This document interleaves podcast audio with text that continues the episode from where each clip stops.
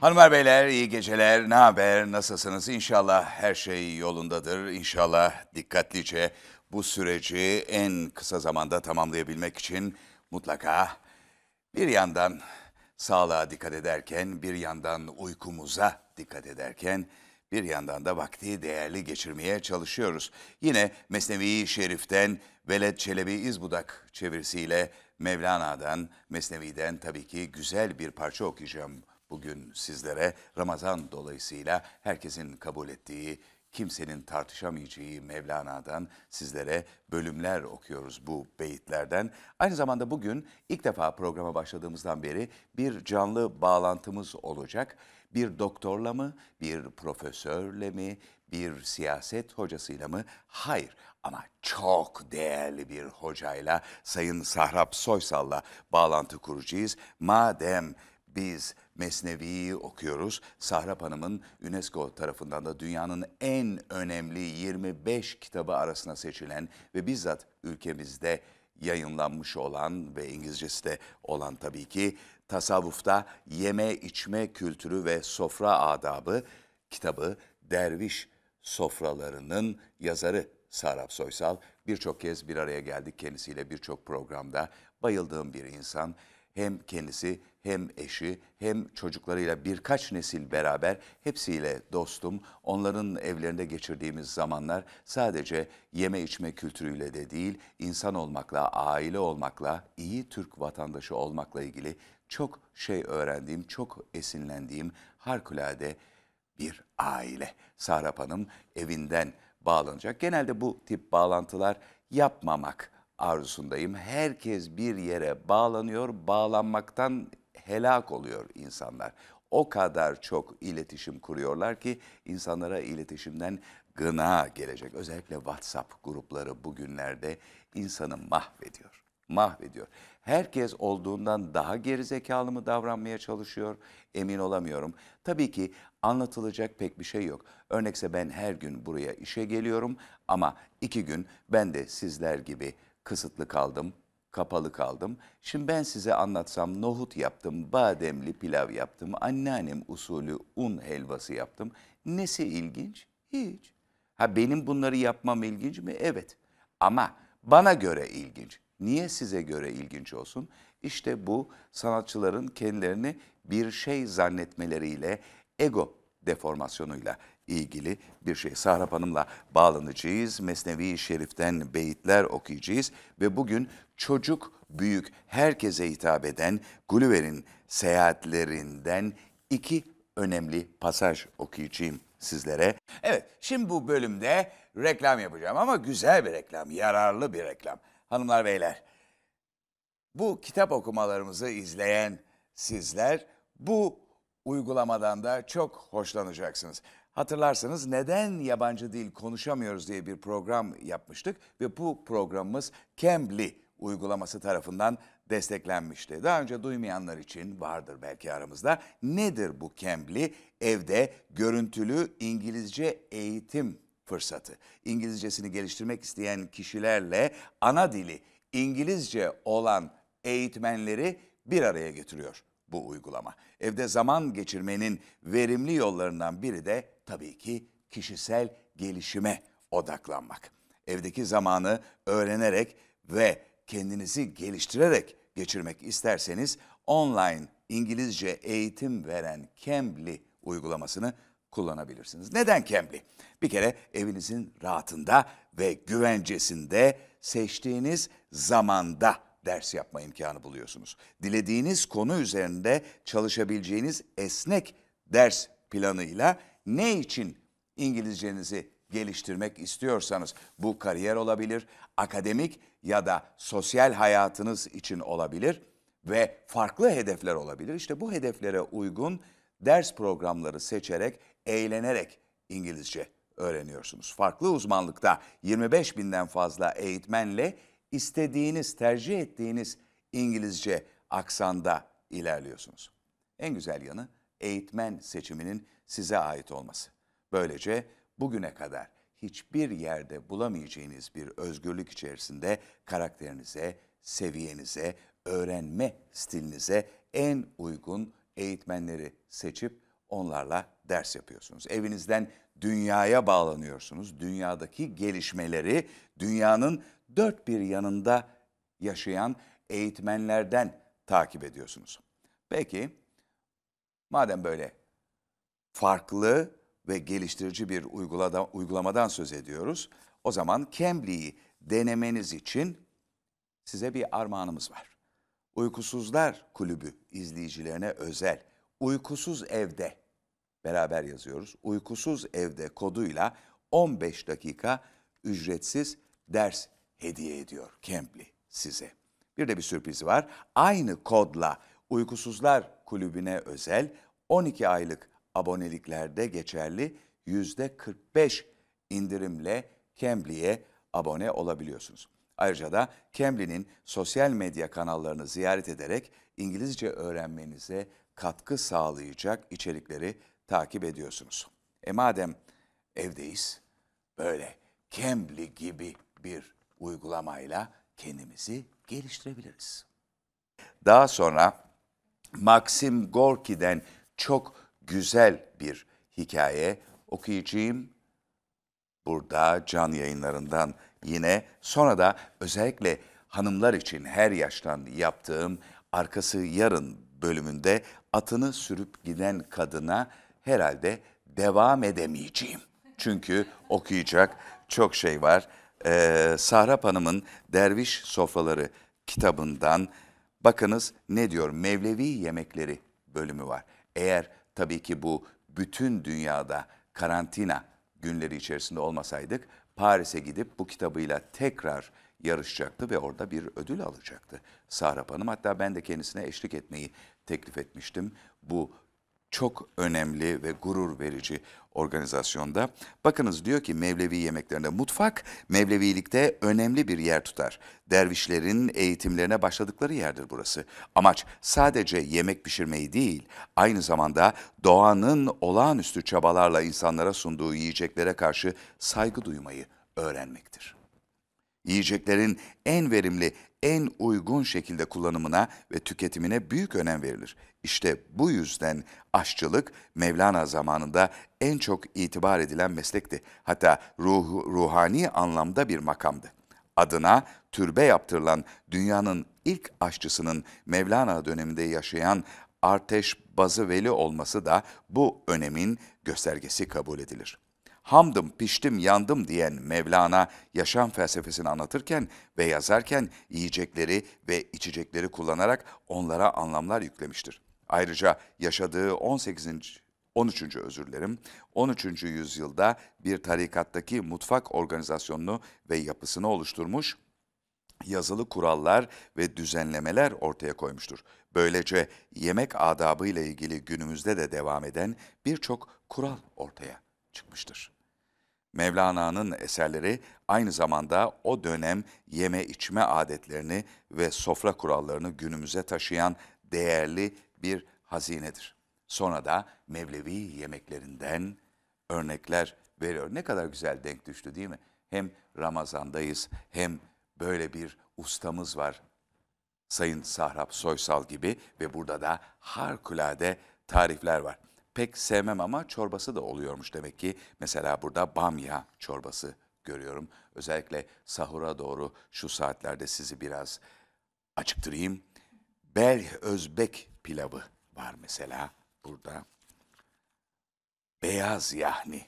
Yahu neler neler. Sahrap Hanım şimdi bize Skype'tan e, bağlanacak. İyi geceler. İyi geceler Okan. Ne haber? E, İyiyim teşekkürler. Seni gördüm daha iyi oldu. Be, ben de. Evin e, hangi köşesin köşesindesin?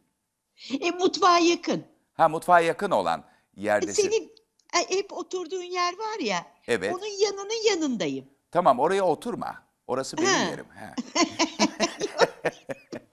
Sarap Hanım, e, bu e, öyküyü bir de senden dinlemek istiyorum. Ne oldu? UNESCO değil mi? Doğru söyledim. Evet çok doğru söyledin. Ee, UNESCO tarafından e, çok desteklenen bir kitap ve bu sene yani 2020 yılı Haziran ayında Paris'te e, büyük bir yarışma var UNESCO tarafından düzenleniyor. O yarışmada aday adayıydım ben de.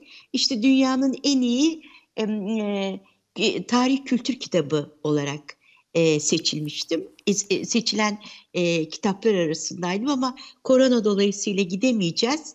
E, fakat e, çok güzel bir kitap olduğunu ben biliyorum. Çünkü 2007 yılı UNESCO tarafından Dünya Mevlana Yılı ilan edilmişti. Ben de bunu e, gördüğüm, bildiğim için o zaman dedim ki Mevlana dönemindeki yemekleri araştıralım dedik. Ve ondan sonra bu tasavvufta yeme içme kültürü ve sofra adabı kitap, kitabı ortaya çıktı. Harikulade, harikulade. Bütün bunları tabii ki fırsat bulup yazıyorsun. Bir yandan Evet. e, gazetedeki yazıların devam ediyor, Evet. Hürriyet gazetesindeki. Bir Evet. yandan sürekli bir e, kitap e, işindesin. Yani bu her Evet. gün biliyorum ki o koca masa biz geldiğimizde o böyle Evet. onlar bir kenara böyle Doğru, itiştiriliyor. doğru. Bir masa daha var yanında yine bunların e, durduğu filan. Şimdi çocuklar da eğitimden mecburen e, geldiler. Tabii büyük ev bizim e, geleneksel evimiz, sizin Evet. eviniz değil mi? E, Evet. Sürekli sürekli pişiyor ama pişiyor derken e, bizim gelenekselimiz pişiyor orada da. Yani Evet, e, efendim işte e, aman şekerim bir de e, hani hiçbir nimete tabii laf etmek istemem ama yani Evet. restoran yemeği pişmiyor. İşte Tabii. hep böyle hep gelenekselimiz var burada. E, bir de deneyler yapıyorsun sürekli. ha? Şimdi evet e, ben kimyacıyım tabii deney yapmayı da seviyorum. Yemek de bir deney aslında. Yemek de bir simya demektir. Ee, karıştırmak ve ortaya bir e, reaksiyon sonucu ya da işte yemeği pişirerek en lezzetli yemeği ortaya çıkarmak. Kimyacı olmamdan dolayı yemeği de çok seviyorum, karıştırmayı da. Ama ama en çok yedirmeyi seviyorum. Çok özledim. Ee, eğer bekliyorum bize bu şu işler bitsin. Evet, evet bu, bu, bu- bulaşıcıyız. E, bir de e, aynı zamanda bir Instagram e, yayının var ve e, YouTube yayının mı var? Bunlarda da bunlara da bir mesai harcıyorsun. Evet, evet.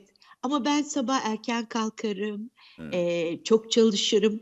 Ben biraz çalışkan, çok böyle ım, üretmeyi, çalışmayı ve koşturmayı çok severim. Her şeyi de planlıyorum. Derken bir koşturmacı içindeyim. Mesela yarın sabah e, saat yedi buçukta kalkacağım. Sekizde TRT'de bir canlı yayına davetliyim. Ondan sonraki gün işte başka bir televizyon çağırdı. Yani bir yandan kitaplar yazarım, dergilere yazarım. E, evet, çok e, çalışkan, e, aktif biriyimdir. Peki acaba e, tekrar bu kitaba dönersek burada buradaki e, e, derviş sofrasında Evet. ortaya çıkardığın, e, derlediğin, araştırdığın ve tekrar e, göz önüne serdiğin bu tarifler şu anda yaşayan tarifler mi? Evet.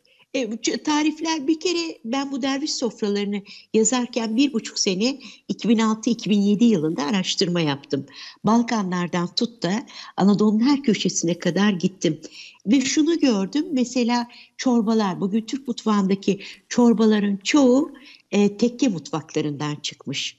Çünkü tekkeler etrafında bostanları olan, tarlaları olan, e, bağ ve bahçeleri olan e, binalar ve orada ne yetiştiriliyorsa tekkelerde, kazanlarda pişiriliyor. Gelen geçen herkese ihtiyacı olan fakire, e, bir geçen bir yolcuya, bir e, talebeye kim varsa yedirilip içiriliyor. Tekkelerde sebze çorbalarını ben tekkelerde öğrendim daha çok piştiğini. E, aşurenin çok sıklıkla kaynatıldığını gördüm. Keşkek yapıldığını gördüm tekkelerde. Bir de mesela çok şaşırdım. Bunlar 1260'lar, 1270'ler, 13. yüzyıl Anadolu mutfağında e, mesela semizotunun çok kullanıldığını gördüm. Ispanağın, sebzelerin aslında eskiden daha çok yenilip içildiğini gördüm Türk mutfağında. Bakliyat daha sonradan karışmış tabii ki. Helva, helvasız hiçbir ayin sona ermezmiş. Sohbetler yapılmadan e, yapılmadan önce yemek yeniyor. E, zaten sohbetin bahanesi yemek. Yani esas amaç sohbet etmek. Yemek sadece bahane. Lokma bahane derler. Yemek yeniyor. Helvalar kavruluyor. Helva da yeniliyor. Ondan sonra sohbetlere oturuluyor. E işte Mesnevi'nin yazımları zaten bu sohbetlerde ortaya çıkmış. Bir de ilginç bir şey var mesela. E, dervişlerin eğitimi mutfaktan başlıyor. Mevlana diyor ki eğer sen bir derviş olacaksan e, o zaman diyor hemen seni mutfağa alacağız. 18 gün süren bir eğitim dönemi var. 18 gün boyunca kilerci başı olabilirsin, pazarcı başı olabilirsin, baharatçı başı olabilirsin, hizmet eden kişi olabilirsin. Bu 18 güne tahammül ediyorsan sen derviş olabilirsin diyor ve ondan sonra bin bir gün sürecek çile dönemini başlatıyorlar. Ee, o dönemde eğer uyum sağlayamazsa e, 18 gün içinde kaçıp gidebilir de tabii. Yani şunu demek istiyorum.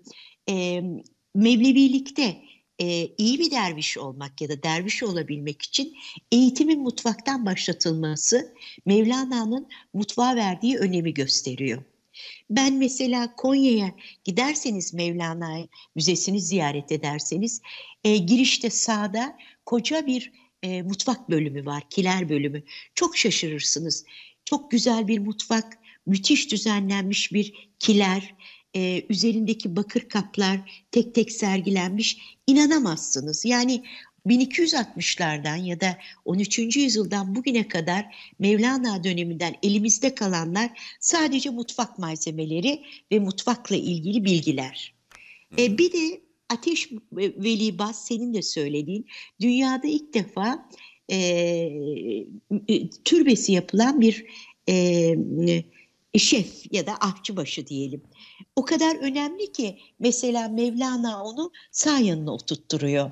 Ateş e, Veli Baz yani ahçı çok önemli. İnsanları yediren, içiren kişiye o kadar çok değer veriyor ki onu sağ yanına oturtturuyor, sağ başında duruyor ve o da tekkenin en etkin kişilerinden birisi. Yani e, iyi bir şey e, yeme içme kültürünü de o dönemin bize Mevlana mesnevilerinde anlatıyor. Yoksa 15. yüzyılla, 14. yüzyılla, 12, 13. yüzyılla ilgili birçok bilgi Mevlana olmasa mutfakla ilgili öğrenemezdik biz. Bütün bunların yanı sıra e, Mevlana e, şeye de çok önem veriyor. Yemek Bugün ne yemek yapılacak? Adab-ı muaşeret kuralları.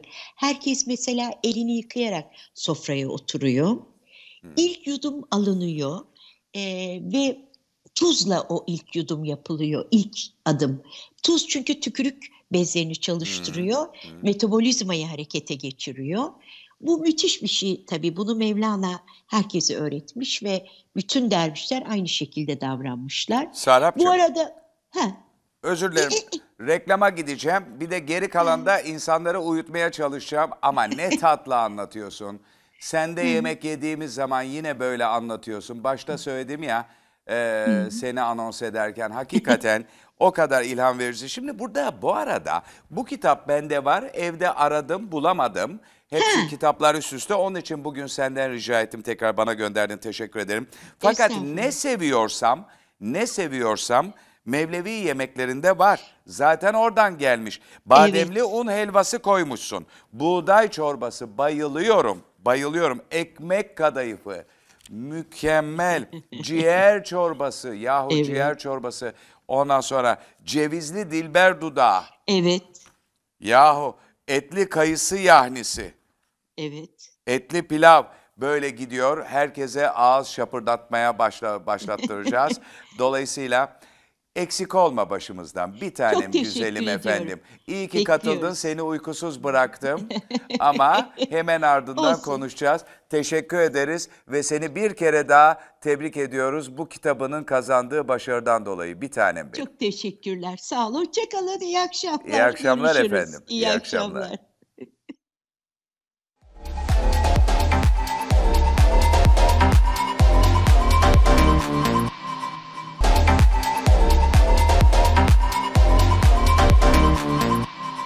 Hanımlar beyler Mevlana'nın Mesnevisinden okumayı sürdürüyoruz. Her gün olduğu gibi 375.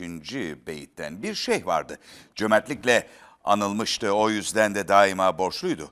Büyüklerden on binlerce lira borç almış, alemdeki yoksullara harcetmişti. Borçlu bir de tekke kurmuş, canını da malını da tekkesini de Tanrı uğruna feda etmişti. Tanrı Halil'e nasıl kumu un etmişse onun da borcunu her taraftan öderdi. Peygamber dedi ki, pazarlarda iki melek daima dua eder. Ey Tanrı, sen verenlere, ihsan edenlere fazlasıyla ver, nekes malını da telef et. Bilhassa canını bağışlayan, kendisini Tanrı'ya kurban eden, İsmail gibi boynunu veren kişiye fazlasıyla ver. Hiç o boyna bıçak işler mi? Şehirler de bu yüzden diridirler, bu yüzden zevk ve sefa içindedirler. Sen kafir gibi yalnız kalıba bakma. Çünkü Tanrı onlara karşılık olarak ebedi ve gamdan, minnetten, kötülükten emin bir can vermiştir. Borçlu şeyh yıllarca bu işte bulundu. Vazifesi buymuş gibi halktan borç almakta halka vermekteydi.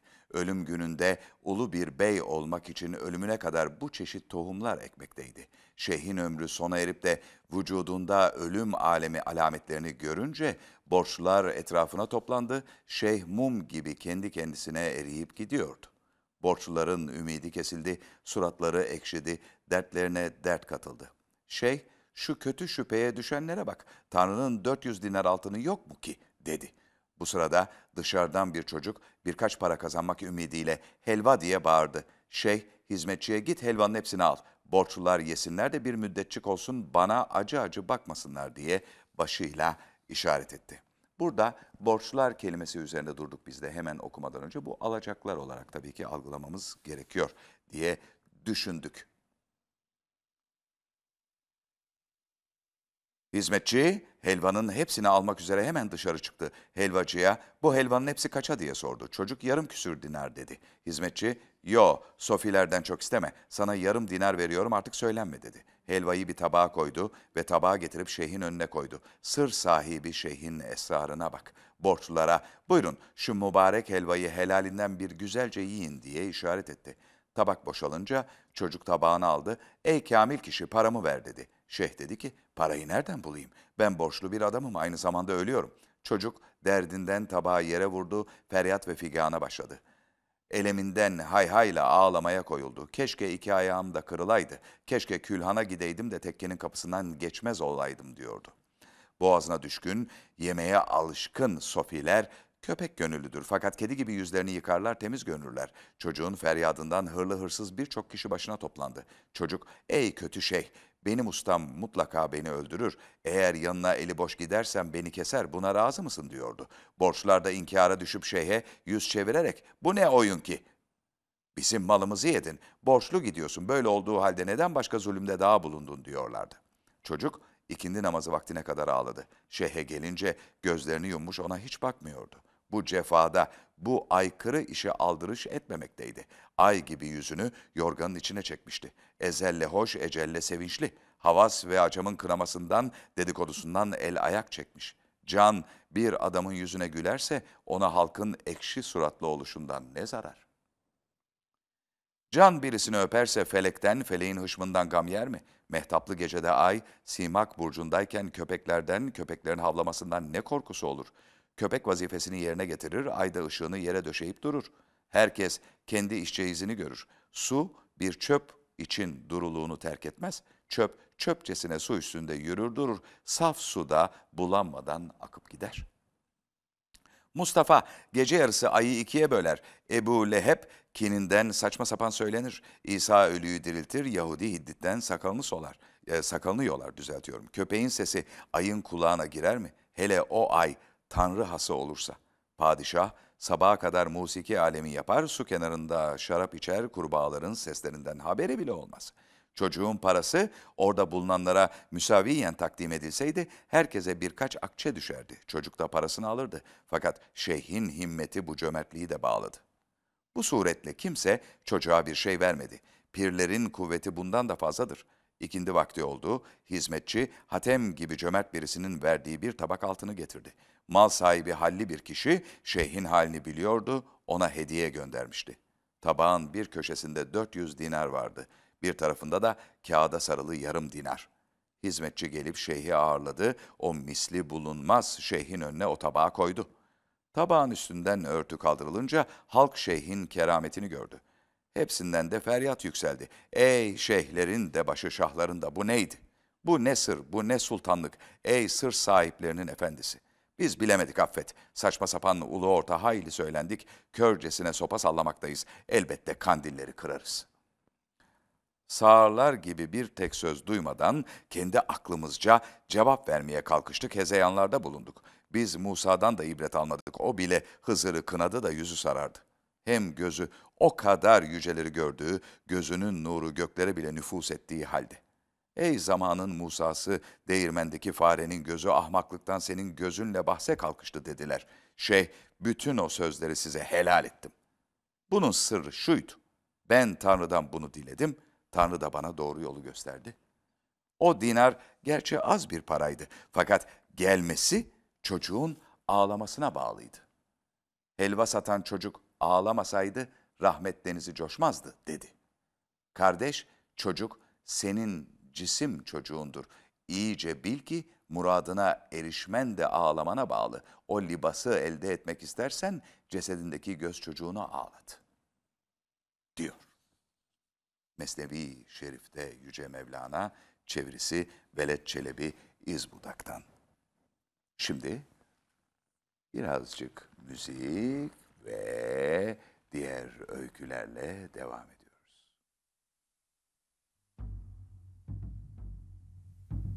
Hanımlar beyler, Maxim Gorki'den can yayınları Bozguncu seçme öykülerden Han ile oğluyla devam ediyorum. Hazır mısınız? Tabii yavaş yavaş uykuya da dalacağız. Yani bu böyle bir program değil. Böyle eyvah birazdan ne olacak filan o başka. Yani o böyle işte topu attık potadan girdi mi ondan sonra işte bal kabağını attım oraya Hindistan cevizi yakaladım. Bu öyle değil. Merak unsuru yok. Dizi gibi değil. O ona ateş etti de bakalım ikinci bölümde o ölmüş mü filan gibi bir hikayesi yok programın. Program basit. Uyunacak. Uyunacak. Uyumazsan kızacağım. Kızıyorum. Yani hiç o açıdan böyle işte kaç kişi, kaç kişi seyrediyor efendim Kantarati'ye göre YouTube üzerinde kaç kişi bakıyor falan filan önemli değil. Onu bırak uyuyacaksın. Hafif. Ha? Uzan. Uzan. Uzan. Ondan sonra böyle. Sonra şimdi şey yapacağız. Okumaya başlayacağız. Uzanacağız. Ve hafifçe dalacağız. Han ile oğlu. Bir zamanlar Mosallayma el Asvab adında bir Kırım hanı ile onun Tolayk Algala adında bir oğlu vardı. Sırtını bir çınarın kalın gövdesine dayayan kör bir Tatar dilenci bu sözlerle başlayarak anları pek zengin olan Kırım Yarımadası'nın söylencelerinden birini dile getiriyor. Zamanın yerle bir ettiği Han sarayının taşları üzerine oturtan sırmalı parlak cepkenler giymiş başları takkeli bir grup Tatar da dilencinin çevresine onu dinliyordu. Akşam olmak üzereydi. Güneş sessizce denize doğru eğilmişti. Güneşin kırmızı ışıkları yıkıntıların çevresindeki ağaçlar arasından geçerek yapışkan sarmaşıkların, yosunların kapladığı taşlarda parlak lekeler bırakıyordu. Rüzgar yaşlı çınarların tepesinde uğulduyor, çınar yaprakları sanki havada görülmeyen ırmaklar akıyormuş gibi hışırtılar çıkarıyordu. Kör dilencinin sesi ölgün ölgün titriyor, taş kesilmiş yüzünün buruşukluklarından derin bir huzur okunuyordu. Ezberlediği sözler birbiri ardından ağzından döküldükçe onu dinleyenlerin gözleri önünde duyguca zengin eski günlerin bir tablosu canlanıyordu. Han yaşlıydı. Hareminde pek çok karısı vardı. Kadınların hepsi de onu severdi. Çünkü Han yeteri kadar ateşli ve güçlüydü. Onları okşarken hepsi de bu ateşten erirdi. Saçları kırlaşmış, yüzleri buruş buruş olsa da kadınlar kendilerini ateşli bir şekilde okşayan erkekleri sever. Çünkü güzellik, yakışıklılık, yumuşak bir ten ile yanakların kırmızılığında değil, kuvvettedir. Han'ı bütün karıları severdi. Han ise yalnız Dinyeper bozkırlarından getirilen bir kazak kızını okşayıp sever, çeşitli ülkelerden gelen bahar çiçekleri kadar taze yaşamlarından hoşnut 300 kadının doldurduğu büyük haremindeki öbür karılarından en çok onu arar, onun gönlünü alırdı.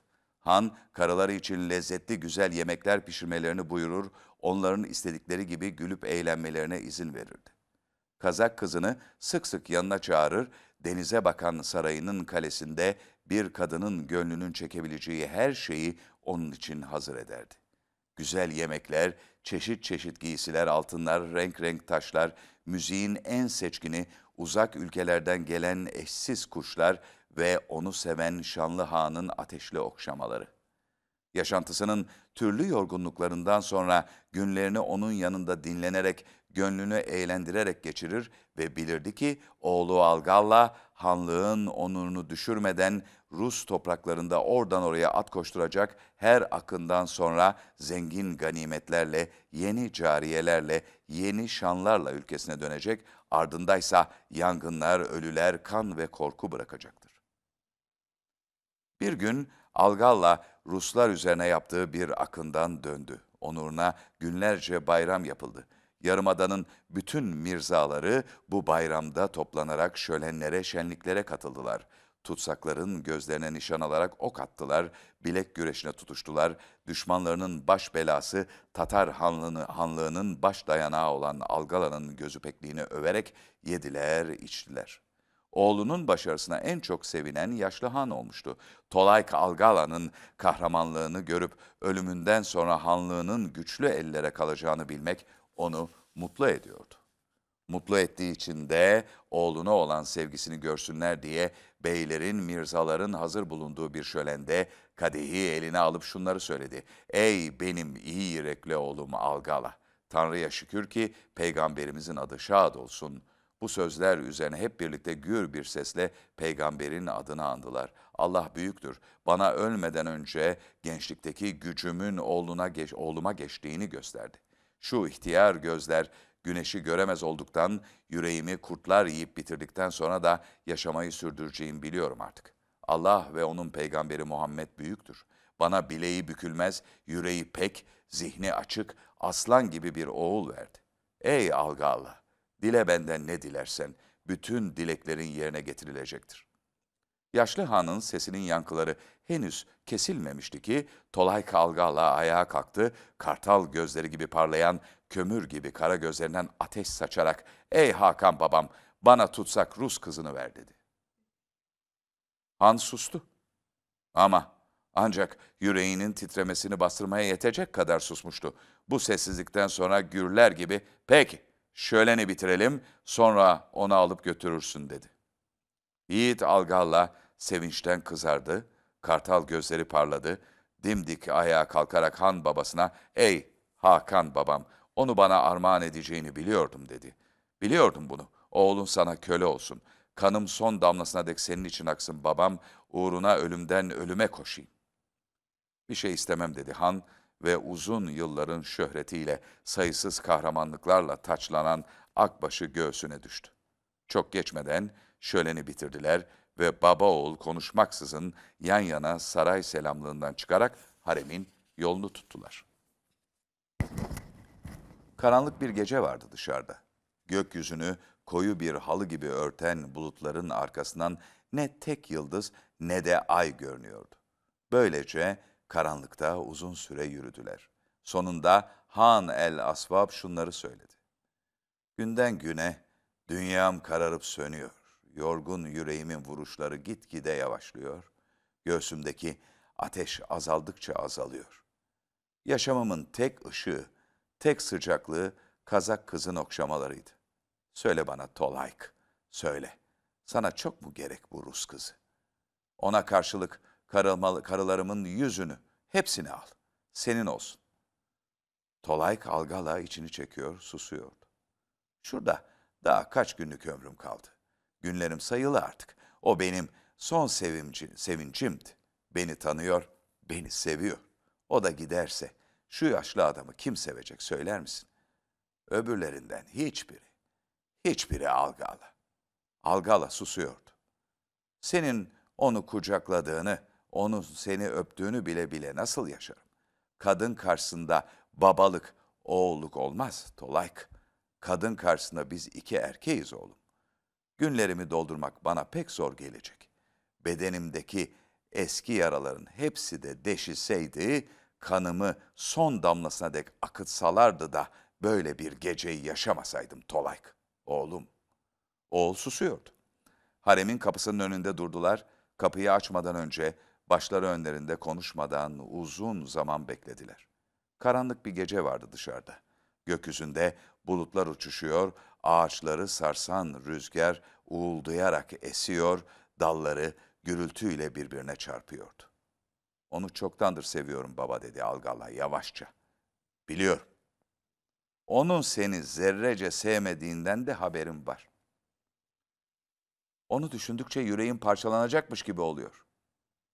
Şu anda benim ihtiyar yüreğimin nasıl sızladığını biliyor musun? Yeniden sustular. Tolayk Algala içini çekerek şöyle dedi. Bilge bir molla bana gerçeğin ta kendisini söylemiş de haberim yokmuş. Kadınlar erkeğe her zaman zararlıdır. Çünkü güzel olursa başka erkekler de ona sahip olma isteği uyandırırken kocasını kıskançlık acılarına boğar. Çirkin olursa kocası başka kadınlara imrenerek acı çeker. Ne güzel ne de çirkin olursa kocası onu güzel bir kadın yapar ama sonra yanıldığını anlayarak bu kadın yüzünden gene acı çeker. Bilgelik gönül sızısına çare değil dedi Han. Birbirimize acıyalım baba. Başını kaldıran Han üzgün üzgün oğluna baktı. Öldürelim onu dedi. Tolayk Algala. Han biraz düşündükten sonra sen kendini ondan da benden de çok seviyorsun dedi yavaşça. Sen de öyle. Yeniden sustular. Evet, ben de öyle dedi Han üzüntüyle. Tolayk Algala çocuk gibi üzgündü. Ne diyorsun? Öldürecek miyiz? diye sordu. Onu sana veremem dedi Han. Ben de daha fazla dayanamam. Ya yüreğimi sök al ya da onu bana ver. Han susuyordu. Ya da uçurumdan denize atalım. Han bir yankı gibi uçurumdan denize atalım diye yineledi oğlunun sözlerini. O sırada hareme girdiler. Rus kızı yumuşak bir halının üzerinde uyuyordu. Kızın yanında durdular, onu uzun uzun seyrettiler. İhtiyar Han'ın gözlerinden gümüş sakalına yaşlar süzülüyor, orada inci taneleri gibi parlıyordu. Gözleri alev alev yanan oğluysa ayakta dikiliyordu. Algala tutkusunu yenmek için dişlerini gıcırtada, gıcırdatarak kızı uyandırdı. Kazak kız uyandı, gül gibi taze pembe yüzünde gözleri mavi mavi açıldı. Gözü Algala'yı görmediği için kırmızı dudaklarını Han'a uzattı. Öp beni yaşlı kartal dedi. Toplan bakalım, bizimle geliyorsun dedi Han yavaşça. O zaman kız hem Algala'yı hem de ihtiyar kartalın gözlerindeki yaşları gördü. Zeki kadındı. Durumu kavrayıverdi. Geliyorum dedi. Ne bana ne başkasına diye karar verdiğiniz anlaşılıyor. Yüreği berk olanlar ancak böyle karar verir. Geliyorum. Böylece konuşmadan üçü birlikte denize doğru yürüdü. Dar cılgalardan geçiyorlardı, rüzgar uluyor, uğulduyordu. İncecik bir kızdı. Çok geçmeden yoruldu ama gururu el vermediği için onlara bir şey söylemedi. Han'ın oğlu onun geride kaldığını fark ederek korkuyor musun diye sordu. Kız ona sert sert baktı. Kanlar içindeki ayağını gösterdi. Algala kıza kollarını uzattı. Seni götüreyim dedi. Ama o ihtiyar kartalının boyuna sarıldı. Han onun kollarındaki tüy gibi kaldırarak taşımaya başladı. Kızsa Han'ın kucağında otururken gözlerine gelmesin diye dalları Han'ın yüzünden uzaklaştırıyordu. Böylece uzun zaman yürüdüler. Sonunda denizin uğultusu işitilmeye başladı. Arkadan yürüyen Tolayk babasına bırak önden yürüyeyim dedi. Yoksa seni hançerlemek geliyor içimden. Geç. Allah bu niyetinin cezasını verir ya da bağışlar. Bu onun bileceği iş. Ben baban olarak bağışlıyorum seni. Sevmenin ne demek olduğunu bilirim çünkü. İşte deniz önlerinde kopkoyu, uçsuz bucaksız bir deniz. Dalgalar yalçın kayaların dibinde boğuk şarkılar söylüyor, aşağıdaki karanlık ve soğuk hava insana ürperti veriyor. Elveda dedi Han kızı öperek. Elveda dedi Algala kızı selamlayarak. Kız kayaları döven dalgalara baktı, korkuyla geriye çekildi, ellerini göğsüne bastırdı. Beni atın dedi onlara. Algala inleyerek ona kollarını uzattı. Han kızı kollarına aldı, bağrına bastırdı, öptü, kokladı. Onu başının üzerinde havaya kaldırarak kayalardan aşağı fırlattı. Aşağıda dalgalar korkunç bir gürültüyle çalkalanıyordu. Ne kızın suya düşüşü, ne bir çığlık, ne de başka bir ses geldi uçurumdan. Han kayalardan sarkarak karanlık boşluğa kulak kabarttı. Denizin bulutla karıştığı sonsuz boşlukta dalgalar uğulduyor, rüzgar Han'ın kırlaşmış sakallarını uçuruyordu.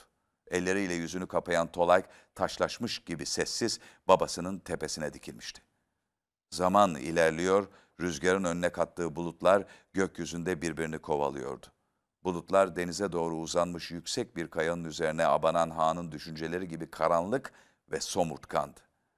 Gidelim baba dedi Tolayk. Bekle diye fısıldadı Han bir şeyler işitiyormuş gibi. Yeniden uzun bir zaman geçti. Aşağıda dalgalar çalkalanıyor, rüzgar kayalara yükleniyor, ağaçlarda ıslık çalıyordu. Gidelim baba. Biraz bekle. Tolayk Algala bir süre sonra yine aynı şeyi söyledi. Gidelim baba. Han son günlerinin sevincini yitirdiği yerden bir türlü ayrılmak istemiyordu. Ama her şeyin bir sonu vardır. İşte Han da bütün gücü ve gururuyla yerinden doğruldu, kaşlarını çattı, boğuk sesiyle gidelim dedi. Böylece yürümeye başladılar ama biraz sonra Han durdu. Ben niçin ve nereye gidiyorum Tolayk? Yaşamımın tek sevinci yoklara karıştıktan sonra ben nasıl yaşarım? İhtiyar bir adamım. Bundan böyle beni sevecek bir kadın çıkmaz. Biri tarafından sevilmedikten sonra insan ne diye yaşamalı? Babacığım, zenginliğin, ünün yeter sana. Bana sevgilimin bir öpücüğünü geri ver, bütün bunlar senin olsun. Bir kadının sevgisi dışında her şey ölümlüdür bu dünyada. Sevilmeyen erkek yaşamıyor, yaşamıyor demektir. Sevgisiz geçen boş yıllarına acınır ancak. Elveda oğlum. Allah'ın esirgili, esirgeyiciliği yaşamın tüm gecelerinde, gündüzlerinde üzerinden eksik olmasın. Böyle diyerek Han yüzünü denize çevirdi. Baba, baba dedi Tolayk. Daha başka bir şey söyleyemedi. Çünkü ölüm bir insana gülüyorsa söyleyecek ne bulunabilir ki? Bırak beni. Allah, o da biliyor. Han hızlı adımlarla uçuruma doğru koştu, kendini aşağı attı. Oğlu durduramadı onu. Durdurmak için yetişemedi. Denizden yine bir ses gelmedi. Ne Han'ın çığlığı ne de düşerken çıkardığı gürültü. Yalnızca dalgalar fışırdıyor, rüzgar yabansı yabansı uluyordu. Tolayk algala aşağılara baktı, baktı. Sonra şunları söyledi. Ey Tanrım, bana da babamınki gibi sağlam bir yürek ver. Ondan sonra gecenin karanlığına daldı. İşte Han Mosoylama el Asvab böyle öldü. Onun yerine Tolayk Algala Kırım Hanı oldu. Maxim Gorki'den Bozguncu Seçme Öykülerden Can yayınlarından okuduk. Peki şimdi yine biraz müzik arası ve bak bize nasıl bakıyorsun fotoğraflarıyla devam edelim. Hanımlar beyler, D.H. Lawrence'ın atını sürüp giden kadın bu her yaştan hanımefendilere özel hizmetimiz. Gecenin son dakikalarında arkası yarın olarak bu atını sürüp giden kadının işte burada anımsayacaklar düzenli takipçilerimiz uyumamış olanlar diğerlerini uyuttuk. Nasıl küçük yaramaz köpekleri, kedileri uyutuyoruz, küçük çocukları. Bazıları direniyor uykuya. Onları da özgür bir hikayeyle dünyada belki de kadınları en güzel anlayan, en güzel anlatan İngiliz D.H. Lawrence'ın değil mi Lady Chatterley'nin aşığının yazarı değil mi? Mümkün olsa da okusak. Mümkün olup olmadığını da bilmiyorum. Nereden mümkün olmayabilir diyorum. Çünkü bu romandaki kadınla bahçevan böyle bir efendim aman aman ne aşk hikayesi ama kadın evli. Hep doğa var. Doğa var ama şey de var. Aşk da var. Aşk olunca İngilizler o vakit bu Lawrence'a kızmışlar. Neden kızıyorlar ama? Çünkü o sırada İngiltere'nin en mühim, en değerli şeyi kömürü ve kömürle beraber ürettiği araçlar. Değil mi? Hem kömür üretiyor hem de araçları, fabrikaları üretiyor ve dünyanın en zengin ve muktedir hakim ülkesi. Ve bu romanda da aldatılan adam kömür madenleri sahibi. Yani işte efendim roman biraz açık saçıkmış da bilmem ne asıl mesele o değil. Bunu da yeni anlıyorum. Yoksa aradım aradım bulamadım açık saçık bir şey. Okunabilir mi? Okunabilir. Yoksa böyle başka bir özgür kadın hikayesiyle devam ediyoruz. Yani bahçevanda ne buldu? Koca bu kadar zengin. Ama koca muktedir ekonomik olarak, siyasi olarak, eee, varlık olarak muktedir. Bahçevan ondan daha muktedir. O öyle bir aşk ki yani ağaçlarla anlatıyor. Ne güzel ağaçlar, büyük ağaçlar, kuşlar, tabiatla anlatıyor. Biz de anlıyoruz ki, orada buradan da buraya devrileyim, biz de anlıyoruz ki şu kısıtlı yaşadığımız günlerde asıl, asıl güç yine gıdadaymış, temiz havadaymış, bizden gayrı canlılardaymış, bizdeki iyi kalplilikteymiş. Asıl güç buymuş. Bunu anlıyoruz. Anlıyoruz her zaman. Bir gözümüzü alan şeyler vardı. Şunun fiyatı bu kadar, bunun fiyatı bu kadar, daha da ucuzu var. Belki de Çin'den gelirse daha iyi falan. Yani bu değilmiş meğerse dünyada zenginlerle fakirlerin yer değiştireceği bir yeni hayata başlamayacağız. Tabii ki zenginler büyük olasılıkla zengin, fakirler de büyük olasılıkla fakir olarak kalmaya devam edecek. Ama arada arada bunu değiştirecek insanlar çıkacak. Ve onlar yeni bir günü muştulayacaklar bize. Onlar beraber kurtulmanın tek kurtuluş olduğunu biliyor olacaklar inşallah. Beraber zenginleşmenin gerçekten zenginlik anlamına geldiğini, bir şeyden kurtulunacaksa ancak beraber kurtulunacağını, hep bana, hep bana, yalnız bana denilirse o benin de bir halta yaramayacağını bu insanlar bilecekler. Birileri mutsuzken, açken zenginliğin de bir işe yaramadığını, yaramayacağını, ancak kendini kandırmak olacağını, bazı geri zekalıların kendilerini kandırmaya muktedir olduğunu ama bunun hep böyle devam etmeyeceğini bilenler çıkacak. Evet gelelim atını sürüp giden kadına. Nerede Kızılderililerle karşılaşmıştı? Yine bir anlık sessizlik oldu. Genç adam iki yoldaşıyla sessizce Kızılderili dilinde konuştu. Nereye gitmek istiyorsunuz böyle yukarılara diye sordu adam aniden. Belli belirsiz patikayı işaret ederek, meydan okuyarak ve otoriter. Çiçuyi Kızılderililerine diye yanıtladı kadın kısaca. Genç adam kadına baktı, gözleri cin gibi ve siyahtı ve acımasızdı. Adam akşamın olanca ışığında kadının oldukça büyük, sakin, taze görünümlü yüzünde güvencenin o solgun yarı gülümsemesini, iri mavi gözlerinin altındaki mavimsi çizgileri ve adama bakarken gözlerindeki kadınsı gücün yarı çocuksu, yarı kibirli güvenini gördü. Ama kadının gözlerinde garip, kendinden geçmiş bir bakış da vardı. Usted senora, siz evli bir hanım diye sordu yerli. Evet evliyim diye yanıtladı umarsızca. Bir aile, bir kocam ve çocuklarım, kız ve oğlan dedi kadın. Kızılderili yoldaşlarına döndü ve akan bir yeraltı suyu gibi alçak ve fokurdayan bir sesle konuşmayı çevirdi. Ne yapacaklarını bilmez durumda oldukları belliydi. Kocanız nerede diye sordu genç adam. Kim bilir diye yanıtladı havalı bir şekilde. İşi için bir haftalığına gitti.